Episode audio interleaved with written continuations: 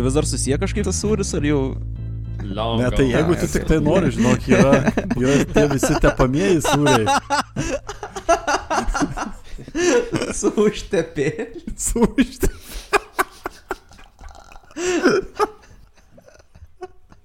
The Perf Special. Galėsim toks. Bet, nu. Sveiki, įsijungę laidą Proto Pemza.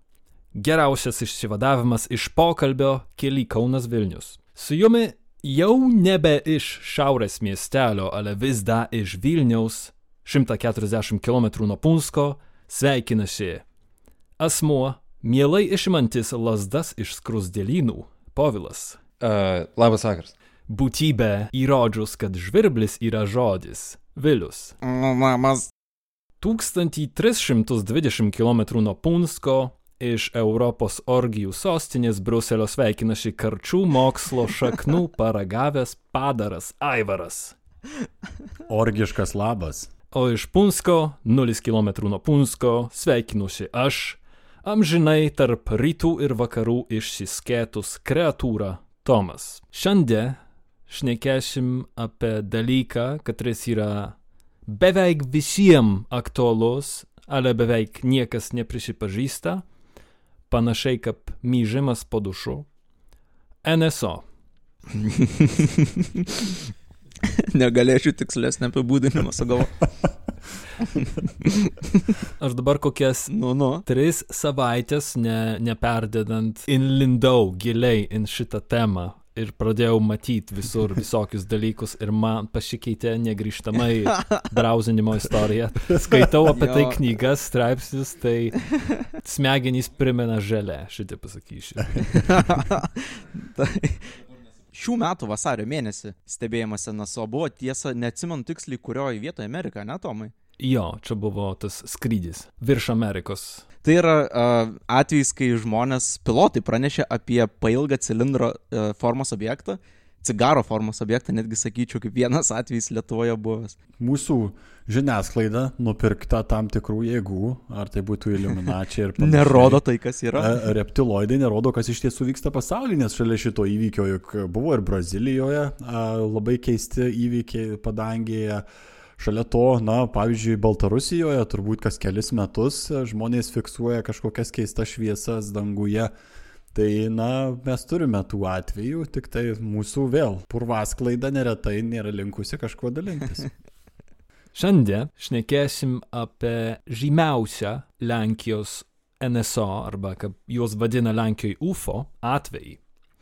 Įvykiui skirti straipsniai ir knygos, pastatyti paminklai ir nufilmuoti filmai. Tai yra geriausiai aprašytas Lenkijos trečiojo laipsnio kontaktas. Priminimui, trečiojo laipsnio kontaktas tai yra tokias, kad ram matyti ne tik šviesus ar erdvėlaivis, ale ir būtybė. Uh. O paminklai čia turiu omeny stat, nu, stat, skulptūras, statulas, lenteles. a, skulptūrą įvykiui įamžint. Tai taip, taip, taip. Neįtikėtina. Supratau. Ir turi menį ne tai, kad ten yra kažkoks medinis rūpintojėlis, o iš tikrųjų skulptūra, prie kurios kažkas dirbo ir, ir stengiasi ją padaryti. O jo, ne tik tai skulptūra, ale ir šitas e, laiko kapsulė ten betonuota. Lenkijai labai mažai provokacijos reikia, kad statytų paminklą. Ir panašu, nėra labai didelių ginčių aplinkui, ar ne, kad e, kam čia statyti, kam nestatyti tų paminklų. Jei nori, tai ir statai. Jei nežinai kam, tai popiežiui. Paprasta. Defaultinis atvejis. Kiekvienas save gerbintis skulptorius turi bent vieną pasidėjęs, nes tikrai kažkada reikės parduoti. Brėžinį. Bakalaurinis darbas būna gal dažniausiai. Kai jau visai striukas su pinigais bus, tada popiežių padarys. A, Idėja merčiui beje, tokia atveju. Taigi, pasiklausykim, kas įvyko 1978. Kas daro liudininką patikimu? Ir kokias kitas pasaulio paslaptis slepia Emilyčin? Pasaulio. Pasaulio. Pasaulio paslaptys. Pasaulio paslaptis. Prieš pradedant trumpai tik paminėsiu šaltinius. Pagrindinis šaltinis yra Krzysztof Drost knyga Emilyčin 1978 Tiesos beieškant.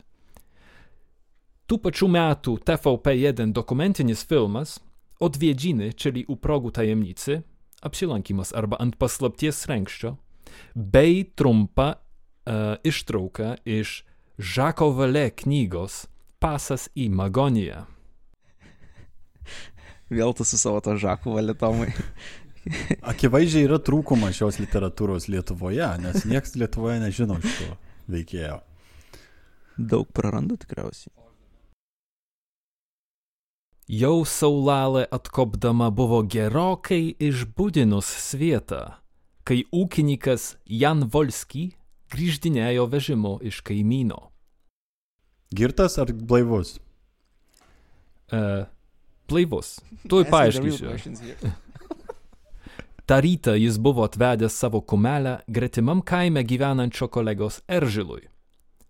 Jonas neįtarė, kad šimtus kartų ikšol matytas aliksnynas atsidurs visos šalies dėmesio centre. Ūkininkas pamatė iš pirmo žvilgsnio paprastą dalyką. Ale visi, kas pirko daržovės Maksimoj, žino, kad pirmas žvilgsnis gali būti labai apgaulingas. O o, gal- gali priminti, kur yra miestas pats Lenkijos kontekste? Kurioje vietoje? Emiličina, ne? Emilyčin kaimas, jis yra apie 355 km į pietus nuo Punsko. E, Apie Atskaitos taškas pagrindinis Lenkijoje, kaip suprantu. e, tri, artimiausias didelis miestas yra Liublinas, žymus dėl Unijos, 300 km nuo Liublino, 117 km in daugmaž vakarus, pietvakarus nuo Lenkijos, Baltarusijos, Ukrainos trisienio. O jisai kumelę atvedė į paseržylą. Norėjau šiaip pat ir klausti, kaip pasisekė kumeliai su Eržilu tenais. ko negali padaryti su mašina, tai negali su mašinos suporuoti su antra mašina, kad tau gimtų trečia mažytė mašina, kurią ga- gali vėliau tavo vaikai naudoti, bet su arkliais gali šitą padaryti. Melas. Ir tiesiog buvo normali praktika. Žaibas Makvinas kitaip pasakojo, man atrodo. Čia fizikos mokytojo vardas tavo? Šiaip irgi klausimas, o tai gal galima daugiau apie patį Emilyčin kaimą, kuo jis pasižymėjo, kokia yra jo a, aludarystės tradicija, a, kaip joje vystosi lankytis? prekybos santykiai, kiek joje žmonių gyvena, Kiek paminklų? kiek paminklų, kiek bažnyčių. Ar prieš šitą paminklą buvo kitų? Dabar, kiek žinau, vienas paminklas tikrai. Bet man atrodo, kad e, šitas kaimas net bažnyčios neturi. Tiesiog grinai Wow. žemės ūkis, pora, pora šeimų, pora namų, maža vietovė. Nu, tai Dievo užmirštas kampas Lenkijos. Dievas atsimena apie visą Lenkiją, nešnekėk. Visą laiką galvoja apie ją. Ką aš padariau? Ūkininkas ant kelio pamatė tą pačią linkmę einančius du nedidelius asmenys. Anie pastebėjo Joną, sulėtino žingsnį. Jonas kažką apie tai negalvojęs važiavo toliau. Vežimui privažiavus, juodai apsirengę asmenys atsitraukė in šonus, kad jį praleist, o tada ant jo užšoko. Pavežyti pakeleivius kaime buvo normali praktika. Tada asmenys ėmė tarpusavį šnekėtis. Jie šnekėjo labai smulkia kalba, katros nepažįstu. Tepepetepetepetepetepe. Nesupratau nieko. Keliavę vežimu keliasdešimt metrų, jie privažiavo nedidelę pievą, kur Jonas išvyto nematytą dalyką. Pastebėjau tik tai kažkokią mašiną ore, kas vis dėlto mane nustebino. Kad mašina gali laikytis ore, sviruodama gal kokį pusę metro aukštyn žemyn. Transporto priemonė iš lauko priminė lygiai greta sienį. Nu tai tokį, taip kaip stačiakampės duonos kepalą, su durimi per ilgesnės sienos vidurį ir keturiais graštais kampuose. Bet atrodo kaip Krengo laivas, tas, kuriuo jisai varo po pasaulį, Krengas su Šrederiu. tuoj įvertysi. Pievoj būtybės nulipo nuo vežimo ir gestais pasikvietė ūkininką užeiti vidun. Jie užvažiavo, kaip sakė Volskis, Tokiu liftuku pritvirtytų virvėm ant viršaus. Viduj Jonas aptiko dar dvi tokias pačias būtybės ir tada turėjo laiko geriau jom prisižiūrėti. Keisti asmenys buvo apie metro keturiasdešimt, apsirengę juodais kombinezonais, dengiančiais visą kūną išskyrus žalio veido ir žalių delnų. Pėdos buvo didelės, peleko formos, delnai panašus ant žmogaus, tik tai kad tarp pirštų tempėsi pleve, panašiai kaip pas varles. O veidai buvo kiek didesniam nei žmogaus skersom akim patrauktom in šonus, ryškiais skruostikauliais, mažanošim ir burna be lūpų. Įdomu, kai pagalvoju, kad uh, iš visų ateivių matymų ta tendencija matyti, kas iš visos būtybė nėra labai reta. Nėra pirmas atvejis, kai kas nors sakė, kad matė žalią būtybę su varlės uh, šitais. Būtybės gestais prisakė Volskiai nusirengt. Jas baisiai sudomino. Ka, pala, pala, pala, pala, Tomai. Kaip tu, kaip tu gestais parodai žmogui nusirengti? Jeigu tu atsidurtai kažkokioj nežinomoj tolimoj šaly ir tau reikėtų, kad e, asmuo į kambarį nusirengtų, tu nemoki kalbos, tai ar tu sugebėtum šitą challenge įveikti? Bet tai žiūrint, kaip nusirengti, nu tai jeigu striukę nusirengti, aš galėčiau jam parodyti, bet Ai, va, ir dabar jau aš turiu klausimą. Jam. Kaip tu parodytum, kad striukę reikia nusirengti skirtingai negu kitus rūbus? tai čia, nu tai kažkaip vis tiek ateitum ten, nežinau, parodytum ženklais, kad duok nuimsiu tau striukę ar kažkas tokio. Tai yra universalus dalykas. Kur tu matei, kokioj pasaulio valstybėje ir kokioj kultūroje, kad žmonės atėję į kambarį sėdėtų su striuke, ble. Nu taip nebūna. O šiuo atveju, jeigu Amerikoj- nuogai nusirengti, kaip tu parodysi, nu? O aš nesakiau nuogai. Ai, Čia niekas apie nuogybę dar, neš, dar nešneka. O, blemba, čia tada daugiau, Sugadin geros istorijos. daugiau pasako apie mane, nei apie Volskį. Okay. Būtybės baisiai sudomino žmogaus diržas ir, anot Volskio, jie ėmė šypsotys, žaisdami su saktim. Greitai atidavė. Tada viena iš jų išsitraukė keistą instrumentą, kuris atrodė kaip dvi sykių sudėtos lėkštutės.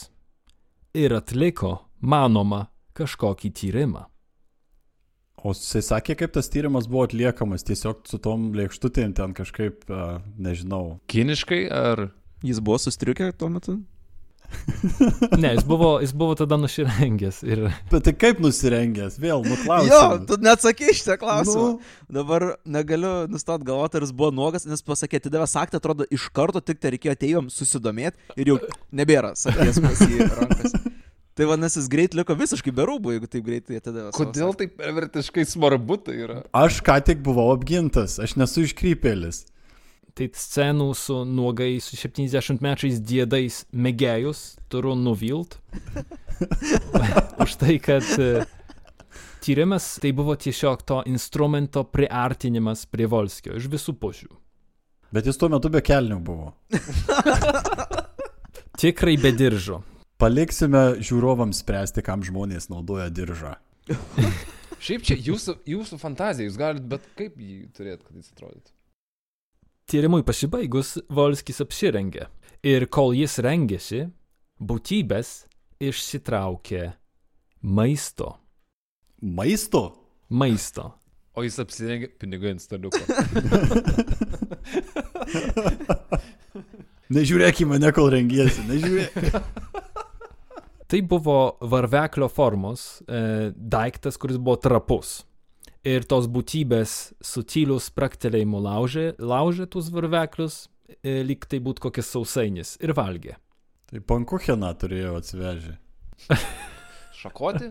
Nu, Gal jau buvo kitur ir gavo dovanų, nes tai yra tradicinė tokia. Iš kito kaimo. Nuo atsivežė. mūsų krašto. jo, jo, iš, iš Violetos, iš kaimo, kuris kaiminystėje Miličino buvo. Gimtadienį biški buvo, žinai. Jie Du žmonės tiesiog iš gimtadieniai. Regina ir kolektyvo vardu padėkoti. Pasiūlė ūkininkui, o Volskis mandagiai atsisakė.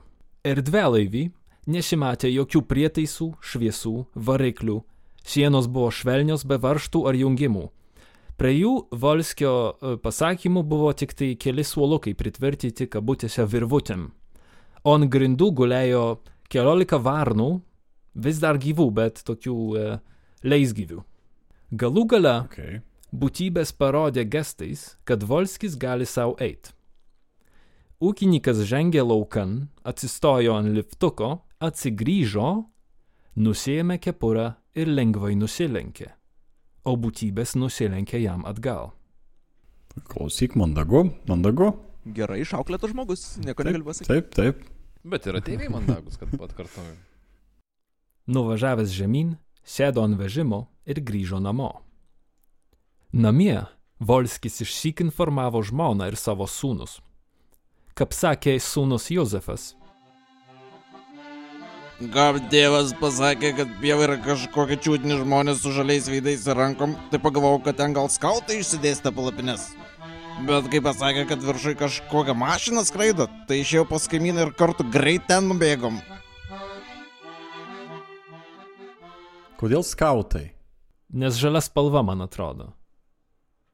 A, jo. Žali veidai ir žalios rankos asocijuojasi su skautais iš karto Lenkijos kaime.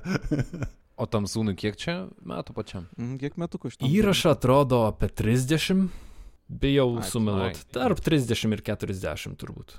Pievoj jie rado tik tai pėdų įspaudimus, pėtsakus dregnoj žoliai ir šiek tiek išrautų avižų iš gratimo lauko.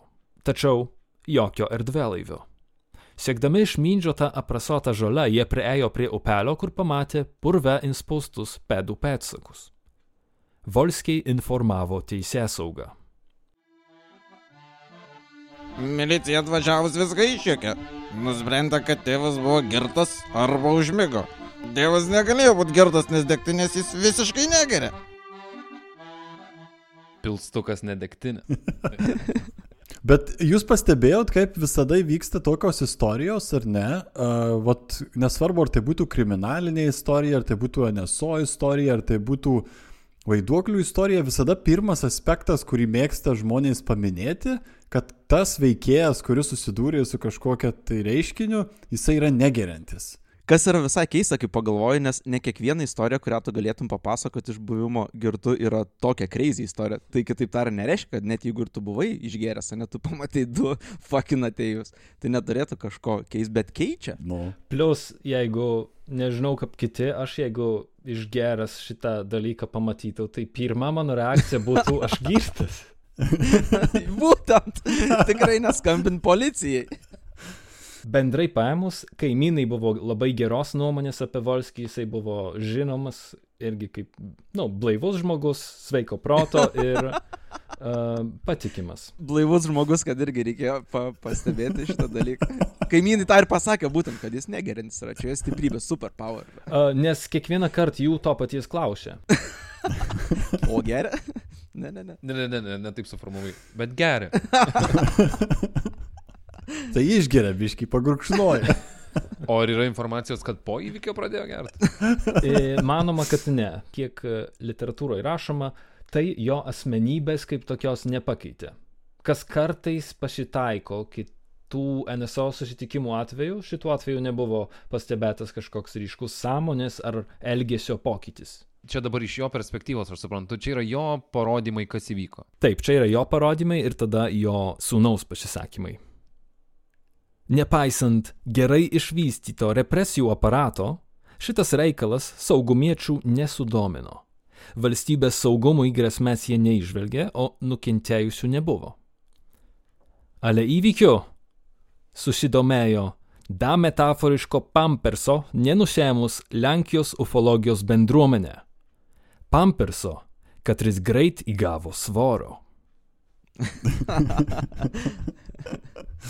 Tai gaunasi, kad tyrimas perina šiuo metu jau į Lenkijos ufologų rankas, ne? Jau šitoj stadijoje. Profesionalų rankas, taip sakant. Taip. Ir visas, visi atpasakomi po to yra, na, šitų žmonių perduoti iki mūsų, ne? Taip atkeliavo šitas, šitas dalykas. Taip, ir buvo tam tikri e, fiziniai įrodymai, ar ne?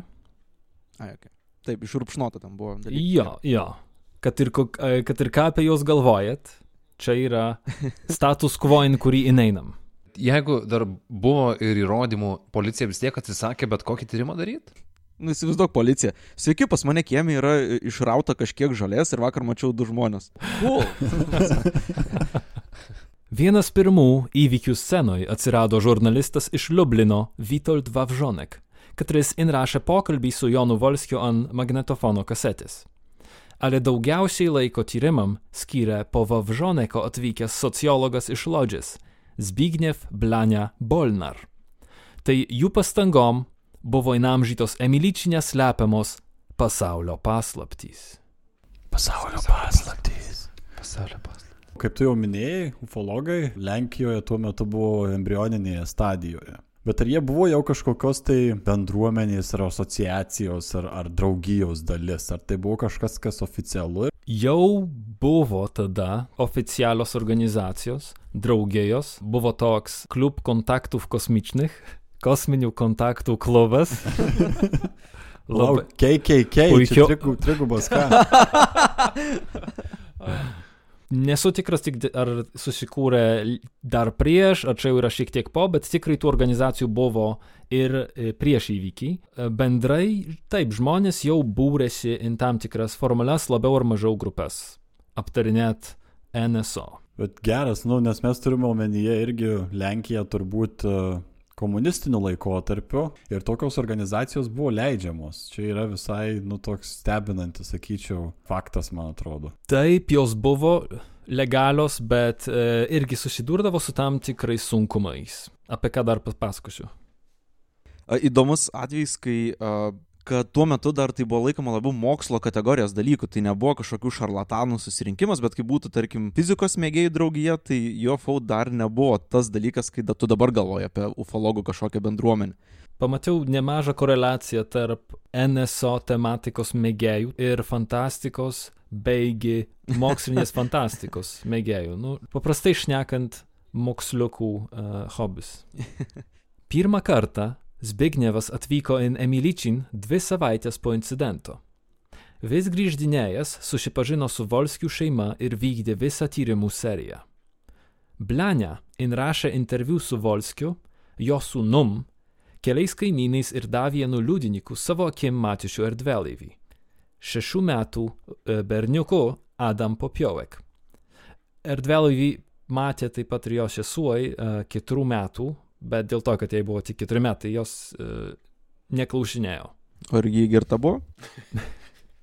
Degtinės visiškai negėrė. Kadangi jos neklausinėjo, tai e, manau, kad tai nebuvo svarbu tam tyrimui. Tokie aukšti standartai vėliau negalioja pašaliniams. Blania taip pat atsivežė profesionalų operatorių su kamera ir kaip katros interviu rašė ant e, video juostos. Profesionalus grafikas sukūrė eskizus pagal Volskio aprašymą. Blania nusivedė ūkininką pas okulistą atlikti akių tyrimo, o psichologas tyrė jį su variografu, nu, su melo detektorium. Geras, kad buvo toks, nu, ekstensyvus tyrimas, sakyčiau, padarytas. Netgi aš, aš negir, nesu girdėjęs, kad tokius tyrimus darytų, pavyzdžiui, net ir amerikiečiai, kai kuriais žinomais NSO atvejais. Tai čia, nu, sakyčiau, Lenkai kaip Lenkams, bet labai pasistengiai, net pas okulistą nuvedė, tai gal akinius naujus išrašė. Ir atrodo, tasai e, tyrėjas Bignevas e, labai norėjo apsisaugot kailį, iškart pagalvojo apie kelis dalykus. Va tokias išvadas pateikė psichologas. Pradžioje buvau skeptiškas, tačiau atlikęs tyrimą galiu pasiūlyti keletą išvadų. Pirmas teiginys, manau tai, kad ponas Jonas tyčia nori mus apgauti, yra mažai tikėtina. Jis neturi tam nei galimybių, nei motivacijos. Antras teiginys, yra mažai tikėtina, kad a, kas nors užprogramavo Joną netikram liūdėjimui. Man jis pasirodė atsparus tokio tipo sugestijoms. Trečias teiginys - tai, kad pono Jono aprašomas įvykis gimė iš a, nesveikos psichikos, pasirodė mažai tikėtina. Jo psichikos būklė yra geresnė nei daugumos jo amžiaus žmonių. Tad lieka klausimas, ką matė ponas Volskis. Psichologijos mokslas neturi tam atsakymo. Kitaip sakant, Jonas Volskis lemtingą dieną buvo pilno proto. Zbignevui tyrant Emilyčino atvejį, it kvapnios šunų žinutės per atolydį, indienos šviesą pradėjo lyst naujos istorijos. Pasak kaimo gyventojų, tai nebuvo pirmas sykis, kad pievoj vyko kažkas keisto. Pasak vienos gyventojos, Kažkokios ugnis skraidė toj pievui. Seniai jau daug tų ugnių matėsi. Lik žmogaus šešėlis praeidavo. Šviesą naktį, kai švietė minulis, buvo matyti, lyg kas praeidinėtų. kita gyventoja šnekėjo apie dangiškas būtybės, katras pievoj matė jos tėvas. Su kaimynu paleido arklius pasiganyti ir patys atsigulė prisnaus, nes buvo šilta naktis. Tėvas sakė, Žiūriu, viršui kažkokia šviesa atsirado ir debesys lyg prasivėrė. sakė matė lyg kokių angeliukų plasnojimą, mėgino pažadinti draugą, kad ir jis pamatytų, bet anas tik murmėjo ir miegojo.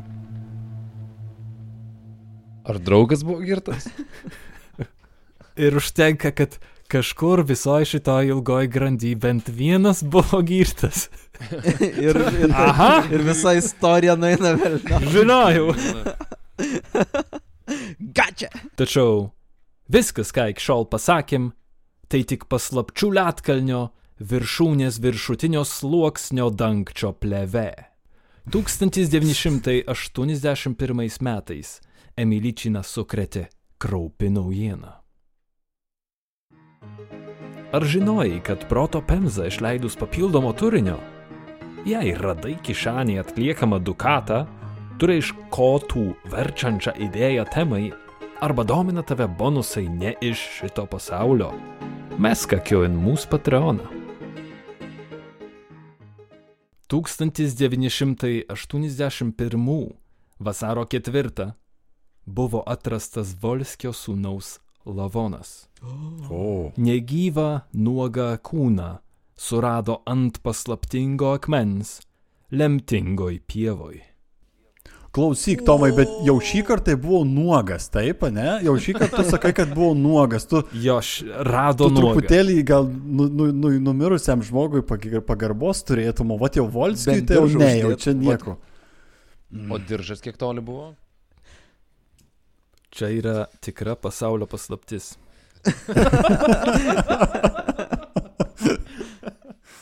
Tiek kaimiečių, tiek Zbignevo nuomonė, būtybės ant pievą traukė paslaptingas akmuoj. Ant jo taramai matėsi ruožai, primenantys vaiko ir suaugusio žmogaus pėdą. Ėjo gandas, kad akmuoj turi magiškų savybių. Juodai magiškų.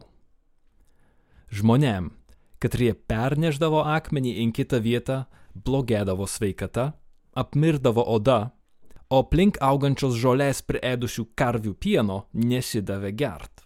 Tai Jeronimas jau net negalėtų šito trinti savo į kaktą ir tikėtis gero rezultato. Manau, ir ona valgyti negalėtų. O kam iš vis tas į tą akmenį? Jo, būtent jeigu tu nešioji akmenį, tai nieko nedyvai, kad tau sveikata pablogės po to, ne? Gal buvo kaime mažiau prietaringų žmonių. Mažiau užsiemusių žmonių. Štai pavyzdžiui, Jono Volskio tėvui, norėjusiam panaudoti akmenį namo statybom, fundamentui, susisapnavo balsas, kad jis liepia nunešti akmenį atgal į vietą. Zbignevas Bolnar iškėlė teoriją, kad akmenį ateiviai paliko savo instrumentus ir prietaisus, kuriuos dabar atvyko apžiūrėti. Instrumentus, tai ar ateivių uh, dildaus yra mūsų kriptonitas ir mes tiesiog mirštam ir... Panašu. Čia įdomi asociacija išgirdus žodį instrumentas. jo, iš karto. rimtai. Tu ten muzikas jau šiandien. Dildaus. jo, ant tos ska- skalbimo lentos braukinės su lasdelėmis. Kita teorija iškėlė fizikas ir ufologas, profesorius daktaras inžinierius Jan Pajong. Jo manimu akmuoj tai yra NSO navigacijos sistemos elementas. Bet tu žinai, Ansi, kad, kad yra rimtas žmogus kalbantis, nes profesorius, inžinierius, daktaras. Profesorius, daktaras, inžinierius. Žinai, teologijos daktaras gal. kodėl iš karto liko prie teorijos, kad būtinai kažkokie įrankiai yra palikti tam akmenį ir jis kažkaip e, susijęs. Iš karto, jeigu yra akmuo, Labai geras klausimas vėliau. Atrodo, vienas keistas įvykis, o tada po trijų metų kitas keistas įvykis toj pačioj vietoj. Ufologų galvoj iškart atsiranda loginis ryšys. kibirkštėlė. jo. Negali būti sutapimas. Tikimybė taip neveikia. Bet tada jie skamba lyg jau uh, būtų buvę tokių dalykų, jie būtų jau išaiškinę nors vieną atvejį. Ajo, čia įrankiai. E, Esame matę, nieko čia žinok, įspūdingo išsivešime.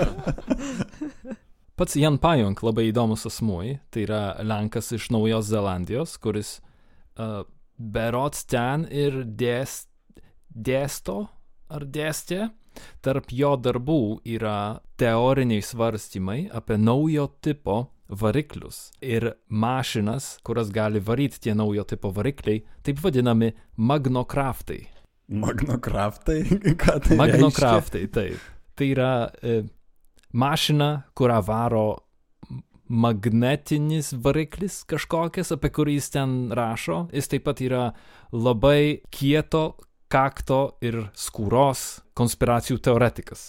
Nors susidomėjimas NSO Lenkijoje buvo gyvas dar prieš 78, įvykiai Emilyčinė padavė ufologijos bendruomeniai energijos. Ateivių entuziastai pradėjo dykt kaip grybai studentiškam šaldytuve. Organizacijos tokios kaip ir čia kiekviena pavadinimo dalis didžiąją raidę Lenkijos fantastikos mėgėjų sąjunga, kosminių kontaktų klubas KKK. Ar Varšuvos net pažintų skraidančių objektų tyrimų draugija UFO video.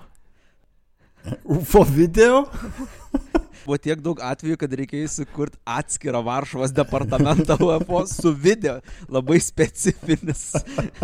Įdomu, kodėl atskilo, kuris įvykis paskatino savo brančą atsidaryti. Kai nusprendė video filmuoti. Nežinau, kodėl iš vis šitas pavadinime atsirado, bet turbūt žodis Varšuvos priduoda jam labai daug svaro kontaktuose su kitom oficialiom delegacijom. Iš sostinės. O. Atsitraukit mes iš Varšuvos. Tiem, kuriem raudoną kilimą patėsi atvažiavus. Šitos organizacijos rinko UFO įvykių Lenkijoje duombazės, rašė leidinius, rengė susitikimus ir organizavo konferencijas. Ufologija Lenkijoje prasidėjo dar prieš 80-us. Kadangi 81 e, gruodžio 13 prasidėjo Lenkijoje karo stovis, e, keliem metam veikla prigeso, už tai, kad negalima buvo burtis didesnėm grupėm. Svarbu primyti, kokiom sąlygom tais laikais operavo ufologai. Mažai katris turėjo savo mašiną, stacionarus telefonas namuose buvo didesnė retenybė nei dabar, o mobilus buvo tik tai lagamino dydžio ir tik tai amerikoniškuose filmuose. Trūko paprasto ir greito būdo kopijuoti tekstus ar įrašinėti garsą. Aš įsivaizduoju ufologą su pageriu, kur man reikia bėgti. Iškvietimus. Manau, kad ufologai Lenkiai svajojo apie pagerus. Arba iškvietimus. Jo. Kad su pageriais jie būtų atrodę taip moderniai iš tiesų. Ir da iš Varšuvos. Krzysztof Drost pridura. Turint omeny nepalankų bet kurio lygio valdžios požiūrį į pilietinę iniciatyvą ir labai, labai sudėtingą privačios, o ypač leidybinės iniciatyvos pradžią, mintis, kad galėtume sujungti susidomėjimą su uždarbiavimu, te buvo iliuzija. Visiškai sovietinis vyras, aš įsivaizduoju Taip, šitą balsą. Toks dar pagiriotas po vakarykščio Jo, jo, jo, jo.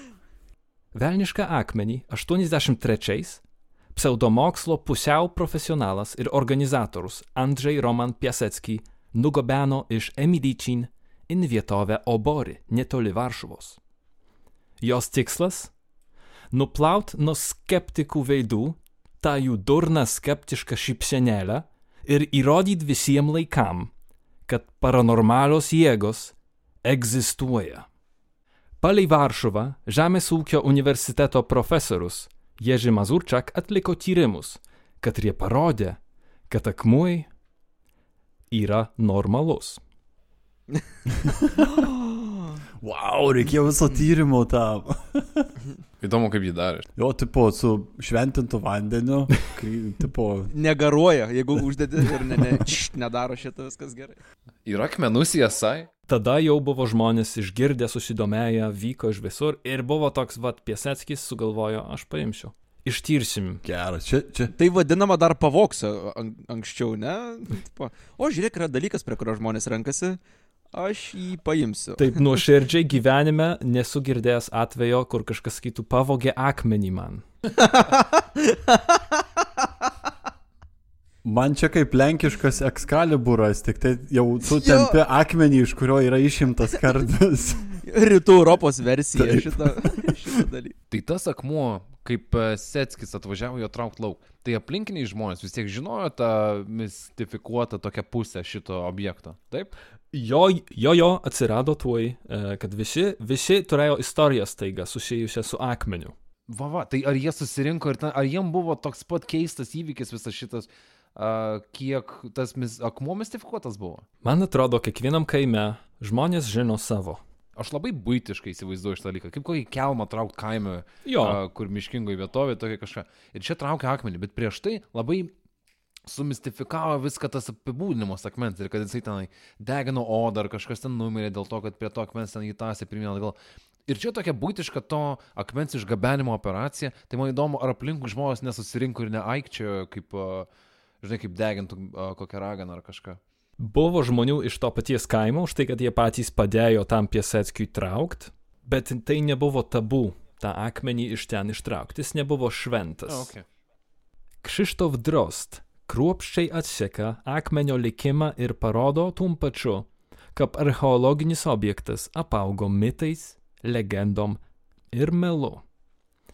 Kaip jam buvo priskiriamos vis nuostabesnės savybės, prie jo šlėjosi vis labiau nutrūkę veikėjai ir kaip buvo palaikomas susidomėjimas, tai vis jį atrandant kitoj vietoj, tai cituojant naujus liudininkus ir naujus juodos magijos proveržus. O kuris dabar yra tas akmuo? Taigi, Krzysztof Drost atsekė, kad tas akmuo galų gale baigė savo gyvenimą kartu su, ta prasme, akmuo neturi gyvenimo, kad akmuo šiuo metu yra Žemės ūkio universiteto prie Varšuvos, e, tokioj žemės krūvoj, ten e, groza visokie ir atliekas pylė. Tai Tomai, ar aš teisingai supratau, kad akmuo šiuo metu yra akmenų krūvoj?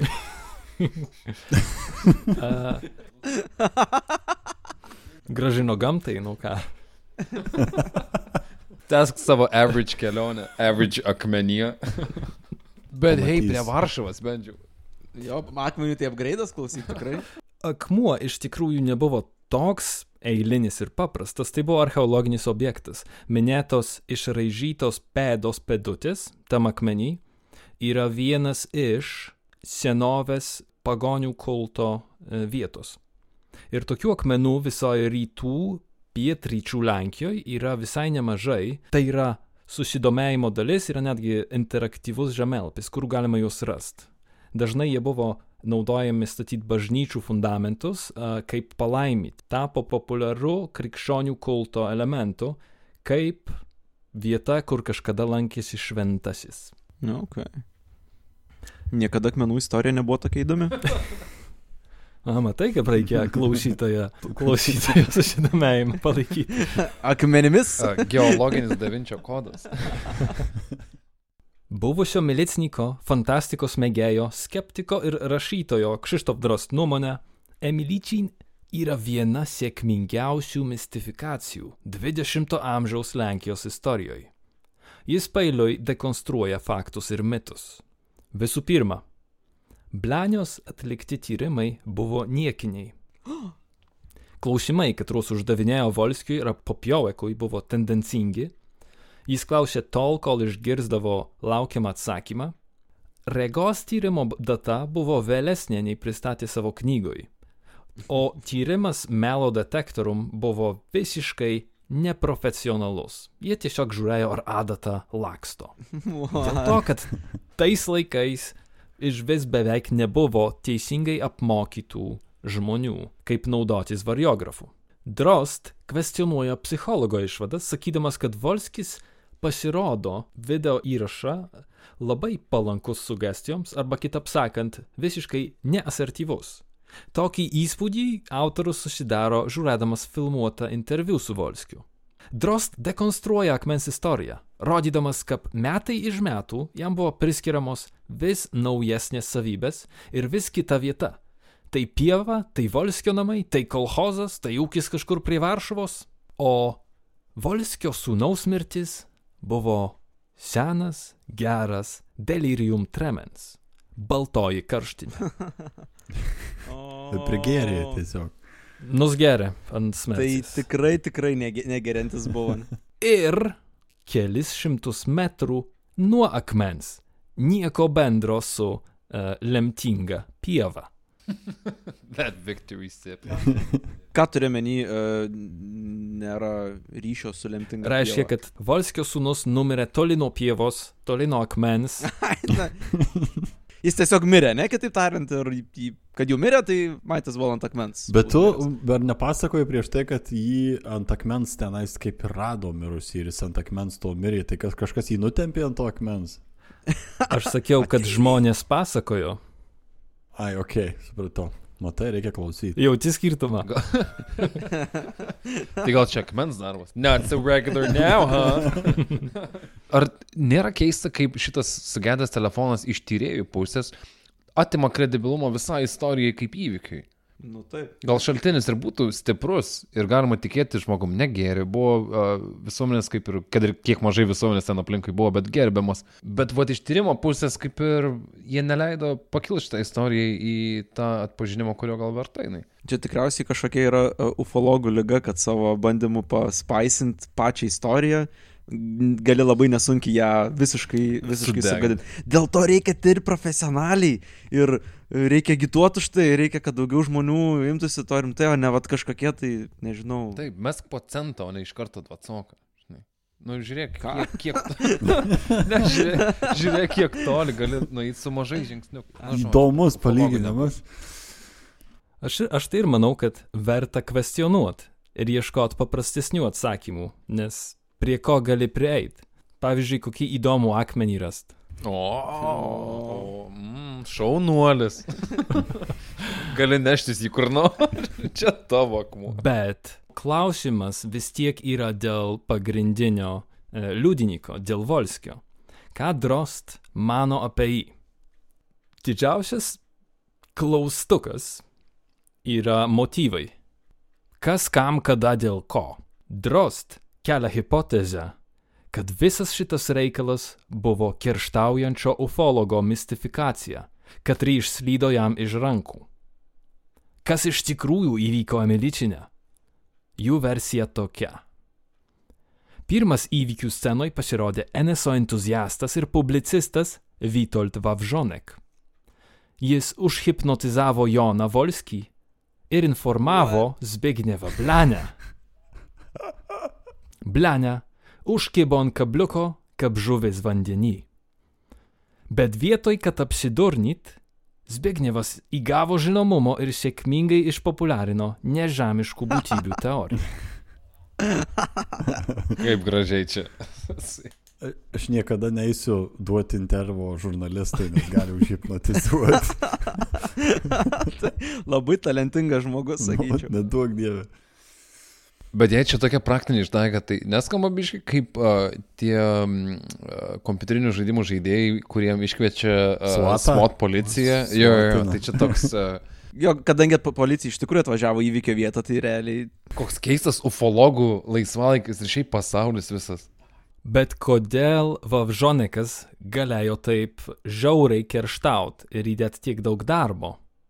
Nes atseit, jį kažkada labai pažemino ir įžeidė.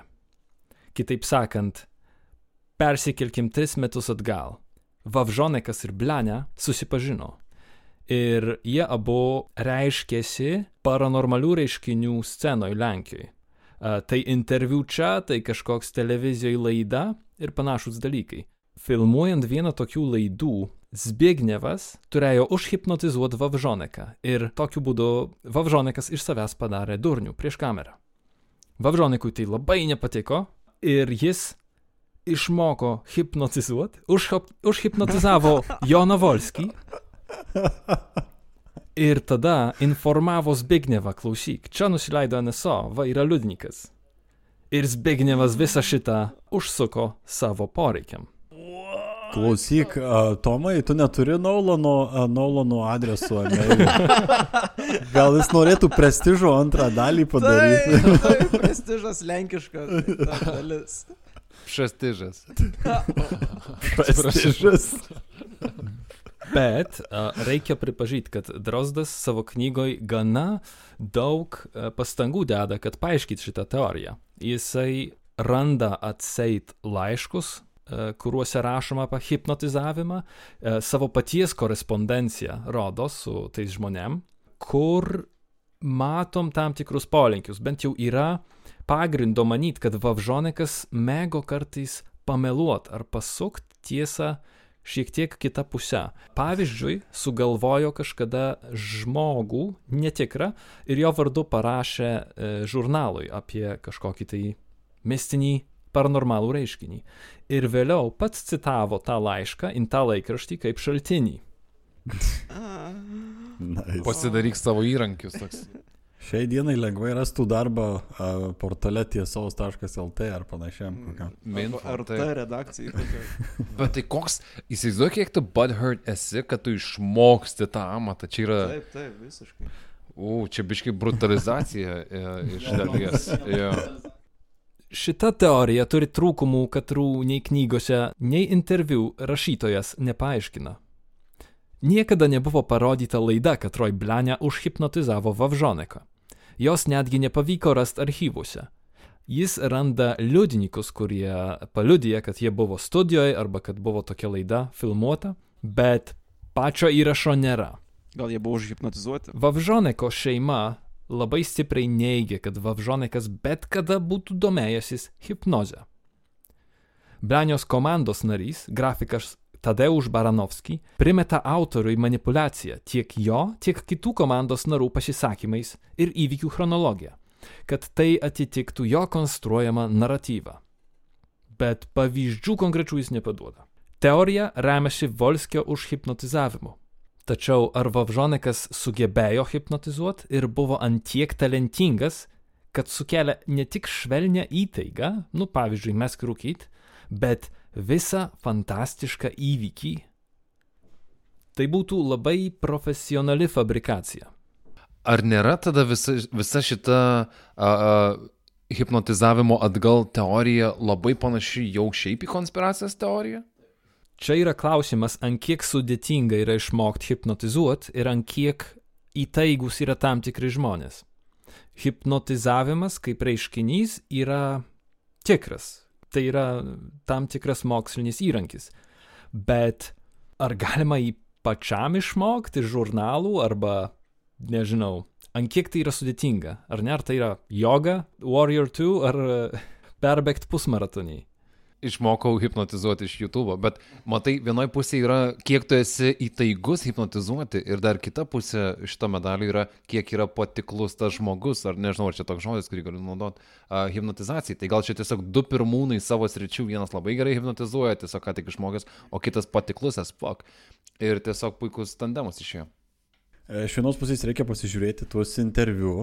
Jame iš tiesų atrodo Jan, ponas Janas gana patiklus ir paprastas dėdukas, kurį, kuriam turbūt galėtum išnekėti dalykus.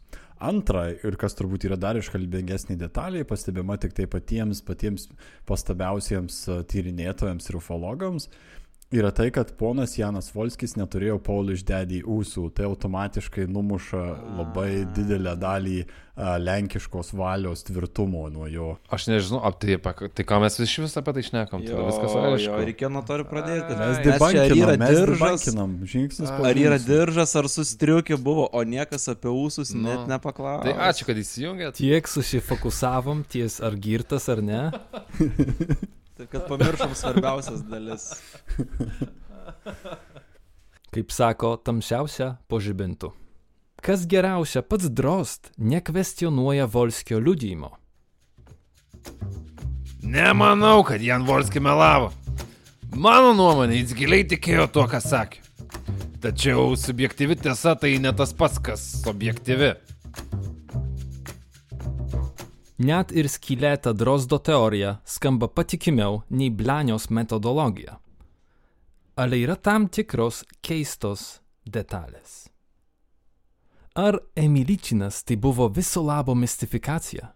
Pasitelkim platesnį NSO tyrimų kontekstą. Ką pasakytų tikras mokslininkas ir NSO autoritetas ne tik astrofizikų, bet ir JAV vyriausybės akise? Žakas Valė. Ir dabar čia yra grinai mano spekulacija. Emilyčin turi įdomių panašumų su 61 metų balandžio 18 dienos įvykiu Eagle River, Wisconsine. Santechniko Joe Simonton kieme nusileido erdvėlaivis su kyšančiais vamzdžiais. Iš erdvėlaivio išlipo juodai apsirengę nedideli apie 1,50 m asmenys. Cituojant Joe, priminė italus, bet ne varles. Eja, we come here in peace. Uh. Joe davė toms būtybėms vandens, o būtybės davė santechnikui maisto. Sausus blynus. Blynus netgi tyrė karinių oro pajėgų laboratorija, kad konstatavo, kad tai buvo paprasti grekių blynai be druskos. Simontono atvejs niekada nebuvo ne išspręstas. Tiesiog nebuvo paaiškinimo tam, kas įvyko. O tai uh, technologija, druskos ir prieskonių technologija netėjo iki ateivių, dar matau. Išėjo iš jų. Tai yra įdomi detalė, kuriai kartojasi keliuose atvejuose. Valia paduodamas pavyzdys yra vienas iš kelių, kurie turėjo panašus bruožus. Blynas tikrai buvo tyriamas kareivių, iš kur jis tą blyną gavo. Jis turėjo paprastą paaiškinimą dėl ateivių, ta prasme labai neįprasta, dėl to informavo. Ir buvo fizinis įrodymas. Bet valia eina dar giliau. Uh, jis parodydamas ne tik tai šitą motyvą maisto uh, arba kažkokiu tai mainų su ateiviais iš modernių laikų, jisai taip pat paduoda pavyzdžius iš mitų ir legendų. Jis cituoja amerikoną Peterį Wentzą, kuris tyrinėjo keltų mitus ir legendas. Jis sako, kad Airijos, Bretonijos ar Prancūzijos legendose kalbama apie magiškas būtybės vadinamas Fė, Fion, Pasairius Gentry, Corrigan - magiškas būtybės, apdovanojančias jom pagelbėjusius žmonės maistu, grikiais arba kartais avižom. Emilyčin atvejais neiškrenta už platesnio konteksto ribų. Yra panašumų su kitais NSO atvejais, apie katruos giliam komunizme gyvenantis Volskis neturėjo jokios galimybės sužinoti. Nu ir klausimas dėl kitų kaimo gyventojų, atėjusių su keistom istorijom apie tą pačią vietą. Tokiais atvejais, kai kalbam apie uh, būtent susidūrimus su NSO ir pasakotojas yra nekvalifikuotas žmogus iš tos pusės, kad gal neturi kažkokio mokslinio laipsnio, visada atsimuši kaip į sieną kažkokią, ne? Kad, ta prasme, labai sunku tam žmogui rodyti savo na, kredibilumą tikriausiai, ar jis yra uh, Ar juo galima tikėti, prasme, ar jis yra patikimas kažkoks uh, patikimas liūtas. Dėl to labai įdomu, pavyzdžiui, keisiai, kur, kuriuose nėra tokių, bent jau, nežinau, man asmeniškai jie labiau įtikimi visada atrodo. Visiškai pagrysta nieko tikriausiai šitai, bet um, jeigu matė santechnikas iš New Yorko arba jeigu matė uh, kaimietis, tada sunku kažkaip visiškai tikėti. O mano klausimas yra, ar santechnikas mato praščiau nei mokslų daktaras ar kariškis? Nu, pas okulistągi niekas nevežė, Džo. Geras klausimas, šiaip ir tikriausiai, kad ne, kad ta prasme būtent nėra gal matime problema, bet gebėjimą ar supras ar kritiškai vertinti tą dalyką. Nežinau, čia tokia savo tikriausiai fantazija susikuri, bet visada kyla ta mintis, ne, jeigu tau savo, kad matė, jeigu pasakyt, kad astrofizikas matė UFO, ne, tikriausiai automatiškai daugiau tuo tikėtum negu tokia atveju, kai matė Džo. Nors jie būtų taip pat vienodai mato, esu visiškai tikras. Nors Džo rega gal net geresnė. Bet, Na, jo, vamžys sužiūrėti reikia matyti. Mes uh, nei tuos atributus žmogaus ir skilsus žiūrim, uh, dėl ko reiktų tikėti jais. Gali būti nebaigęs mokslo, bet gal tu matai labai gerai. Užduokim savo klausimą, ką jūs darytut tų žmonių vietoj. ką jūs sakytumėt, jeigu žurnalistas klausia jūsų? Ką jūs sakytumėt, jeigu jūs uždavinėt klausimus? Ir kas būtų, jeigu jums arba artimam žmogui įvyktų toks įvykis? Kažkas, ko tu nemoki paaiškinti, nors esi sveiko proto, gerai pažįstamas ir patikimas bendruomenės narys. Šitą klausimą e, esu uždavęs savo ne kartą ir kaip pats reaguočiau, pavyzdžiui, ar klausęs, pavyzdžiui, Gabrielės buvau, kaip tu reaguotum, jeigu aš staiga pradėčiau sakyti, kad mačiau UFO, ne? Ir nori tikėti, kad žmonės tavim tikėtum, bet ar pats savim tikėtum tokiu atveju? Nežinau. Ir žinai, kai klausia, ką atsakytum, pavyzdžiui, į žurnalisto klausimą, atsakyčiau, o kodėl jūs čia atvažiavot, čia nieko nebuvo. Jokių įvykių aš nemačiau. Tikriausiai. Apskritai niekam nieko nesakytai ir ta istorija net neiškiltų į viešumą. Lenkijoje dar pridėtum, kad Dievo apvaizda turbūt, bet. Jo, visą laiką yra paprastas paaiškinimas šito dalykui. Jo, įdomu būtų tuos pokalbius matyti pirmuosius, kuriuos turėjo Volskis su tuo žurnalistu. Ir nebuvo jam tiesiog įgrūsta į burną, taip sakant, tam tikros versijos įvykių, kur, nu, tiesiog sugestie, kad, kad o tai gal jūs čia matėt kažkokias tai nežemiškas būtybės, nu ir tas dėdukas tikrai tose video atrodo kaip labai patiklus toks, nu ir jisai galbūt net nelabai jau ten atsimena kažką. Ir, ai, nu tai jo tada turbūt. Kai nesitikėjo, kad tai taps tuo, ko tapo galiausiai. Ne? Nu, nu, ten kelnes numovė, diržą išėmė, Nors ne, raguolio matysim- davė biški pakramtyti. Nu, Šit, šita dalis, kad vyras iš uh, kaimo prisipažįsta, kad kažkas buvo paėmęs jo diržą, prie jo sukiojo kažkokius objektus, sutikė šiek tiek uh, tikėjimą tuo, kad sako tai, ką matė, nes uh, kitu atveju nebūtų labai daug uh, noro tikriausiai tokias temas atskleidinėti iš viso. Mm. Bet to pačiu tai jo apklausa gaunasi kaip įkalčių sugadinimas. Nes jeigu, manau, kad jeigu jis sugebėjo įsiklausyti klausimus ir būti paveiktas klausimų ir pakeisti savo istoriją, tai mes negalim būti tikri, kad jisai tuos faktus, kuriuos pats prisimena, jis juos ir palaikys viduj kaip tikrąją istoriją ir nebus pats sugadintas tų klausimų ir pats neįtikės truputį kitokią istoriją. O ufologas dar Nu, turi čia- varžytis pats save, kad nesidžiaugt per anksti. Jau po dviejų šampano taurių ateina į apklausą, nes iš viso gavo iškvietimą pagaliau. Čia, čia, čia yra ir tas aspektas, kad, nu, turbūt Volskis, ar jis įtikėjo ar neįtikėjo viduje tais dalykais, bent jau iš to, ką, kaip istorija buvo pasakojama, tai atrodo, kad nelabai turėjo ir, ir kažkokio tai, kažkokio tai svorio. Galiausiai ta istorija buvo paimta kažkokių tai ufologų, kurie ten pradėjo ieškoti akmenų, pievas kažkokias ten žiūrėti ir taip toliau ir panašiai. Nu ir jie tiesiog buvo išimta ir tas žmogus, kuris buvo a, kaip ir objektas viso to, ar ne, ar, ar tas subjektas, kuris buvo paveiktas to įvykio, jisai išeina kaip ir iš, iš visos tos uh, lygties. Tai šiuo atveju turėjom labai didelius sci-fi ir ateivių entuziastus, kurie pagalvojo, oi, tai čia, nu tai tas dėdukas, va, sutiko, šnekėjo su juo, čia viskas kaip ir gerai. Nu, man tiesiog atrodo, kad kai tu išimi tą istoriją nuo to subjekto, kur, kuriam ta istorija nutiko, Nes akivaizdu nebuvo kažkokių papildomų normalesnių pasikalbėjimų su juo, nu tai tada ir gali nueiti iki to, kad čia į Bermudų trikampį reikia ekspedicijas organizuoti saviveiklininkams visokiams. Tomai, o pavyzdžiui, ko, kokia yra tavo na, versija? Ar, ar tu matai šitą įvykį kaip na, tikrą UFO matymą, ar gal kokią halucinaciją, ar melą? Ar... Man atrodo, kad įvykis Emilyčinė, net jeigu yra paremtas netikrom prielaidom, turėjo labai e, tikrų efektų. Buvo sužadytas susidomėjimas. Kažkiek gal į tą kolektyvinę sąmonę instatyta idėja, kad iš vis yra tokias dalykas. Tikrai, man atrodo, dar vieną dieną kažkada pašnekėsim apie kitą e, Lenkijos UFO atvejį, kuris yra daug šviežesnis. Um, bet būtent dėl to, kad Emilyčin daug metų atgal palaikė kažkokį tai vaizdą, ypač tarp žmonių, kurie organizuoja, tai vėliau davė, nu, vaisių, ar tie vaisiai skanus ar ne, kitas klausimas. O ar tai įvyko ar ne, nu kaip. Norisi tikėti. Ne.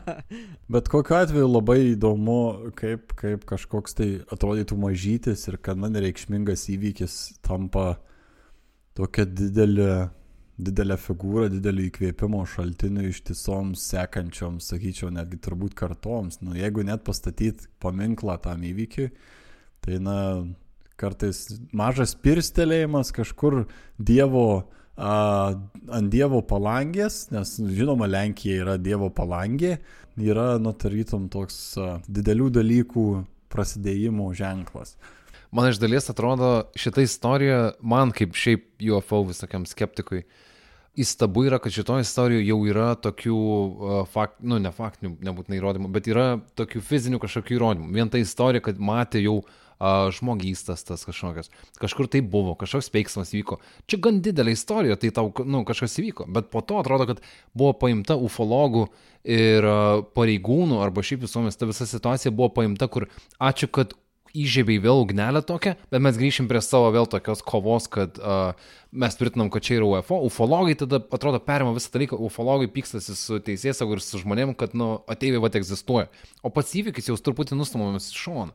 Nes kai ufologai pasako, a, jo, čia įrankiai a, ateivių, jo, jo, mes jau esam, žinom šitą vat keistą, čia tau buvo tas ir anas. Ir tada pykstas su mentais, kurie sako, kad ne, čia apšė nieko nebuvo, tada su žmonėm bando kažką aiškintis. Ir atrodo, kad pats jau, pats įvykis tampa truputį Tai pamirštas. taip, tai kaip ir su žmogumi, kuris buvo paveiktas to įvykio, kaip ir minėjau prieš tai, kad, nu, pats žmogus išeina iš lygties šiuo atveju.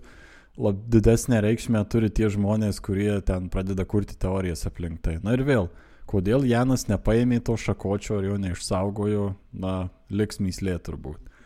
Tikroji pasaulio paslaptis. Pasaulio paslaptys. Pasaulio paslaptis. Teisingai suprantu, kad šitas įvykis yra toks biški kaip uh, Lenkijos Rosvelas, ne? kad tai yra uh, to go įvykis, kai Lenkijos UFO, tai yra, na, jų tas pirmas įvykis kažkoks, ne didesnis įvykis.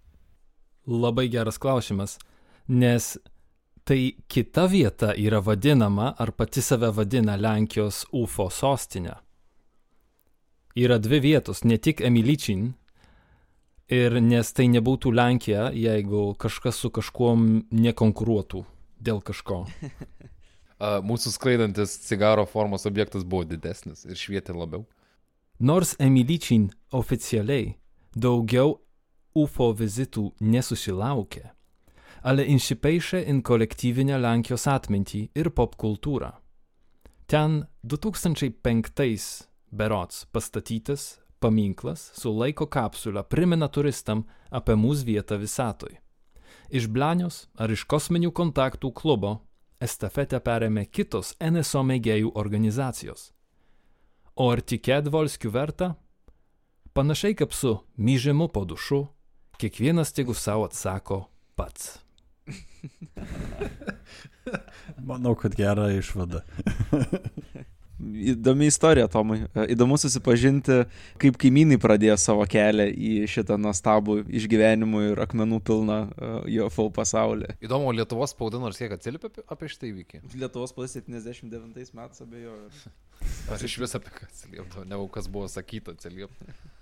Na, įdomi istorija, bet kokiu atveju. Galiausiai turbūt labiau net ne dėl pačios istorijos, nes jinai atrodo tokia gana kažkuria prasme standartinė. Kaip susidūrimas tikriausiai su žali žmogeliukais, ne? Nu, jo, jo. Ir labiau gal netgi tas visas rezonansas, kurį turėjo paskui tą istoriją ir kaip aplink tą istoriją buvo daroma kažkas. O atsakyk į klausimą, ar Volskis e, toliau tiesiog nusirašė į paraštės gyvenimo ir daugiau nebuvo dėl šito garsinamas arba kažkaip uh, žymimas šalia šito įvykio? Jokios naudos berots iš to neturėjo, jis e, kaip karjeros nesiekė, televizijoje nesirodė. Tai jo, turbūt jį paveikė sūnaus mirtis, tai buvo irgi šaltiniuose pabrėžta. Bet uh, nieko įdomaus. Atrodo, istorija nuo to nieko neišloša, nesikeičia. Tai jis atnešė šitą įvykį į kaip ir istorijos puslapius, bet pats užsimirš. Jo. O, bet uh, įvykis išliko ir dabar šitą visą istoriją. Aš tai nieko nežinau apie tai, aš apie UFO niekada nieko nežinau. Tai man kiekviena šitą istoriją keičiat jūs mano požiūrį į tos UFO. Sveikinu. tu pradėsi mus e, įtikinėti, povalai, kad... e, Ne, pradėsiu su diržas aktim žaisti, beiškai. Šakočio nusipirksi. Grikių blynus kept pradėjęs. Akmenį namo druskas. kokį nors. Trinsi į kaktą paskui. O, tik jūs manęs nehipnotizuokit, bet... Uh, Jau vėl, žinok, šitam dalykui.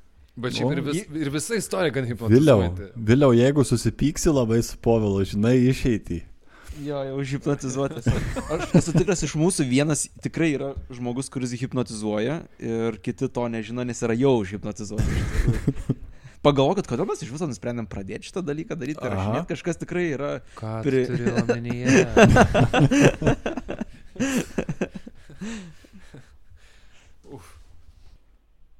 Jei nori pamatyti ateivių ir erdvėlaivio eskizus, sužinot, kur randasi daugiau akmenų su dieviškom pėdom, arba pasakyti mumi tiesiai į akis, kaip tikras vyras arba moteris, ką apie mus galvoji. Kviečiam apsilankyti mūsų Facebook puslapin arba rašytin protopemza eta gmail.com. Likit sveiki. Iki. Iki. Iki. Iki.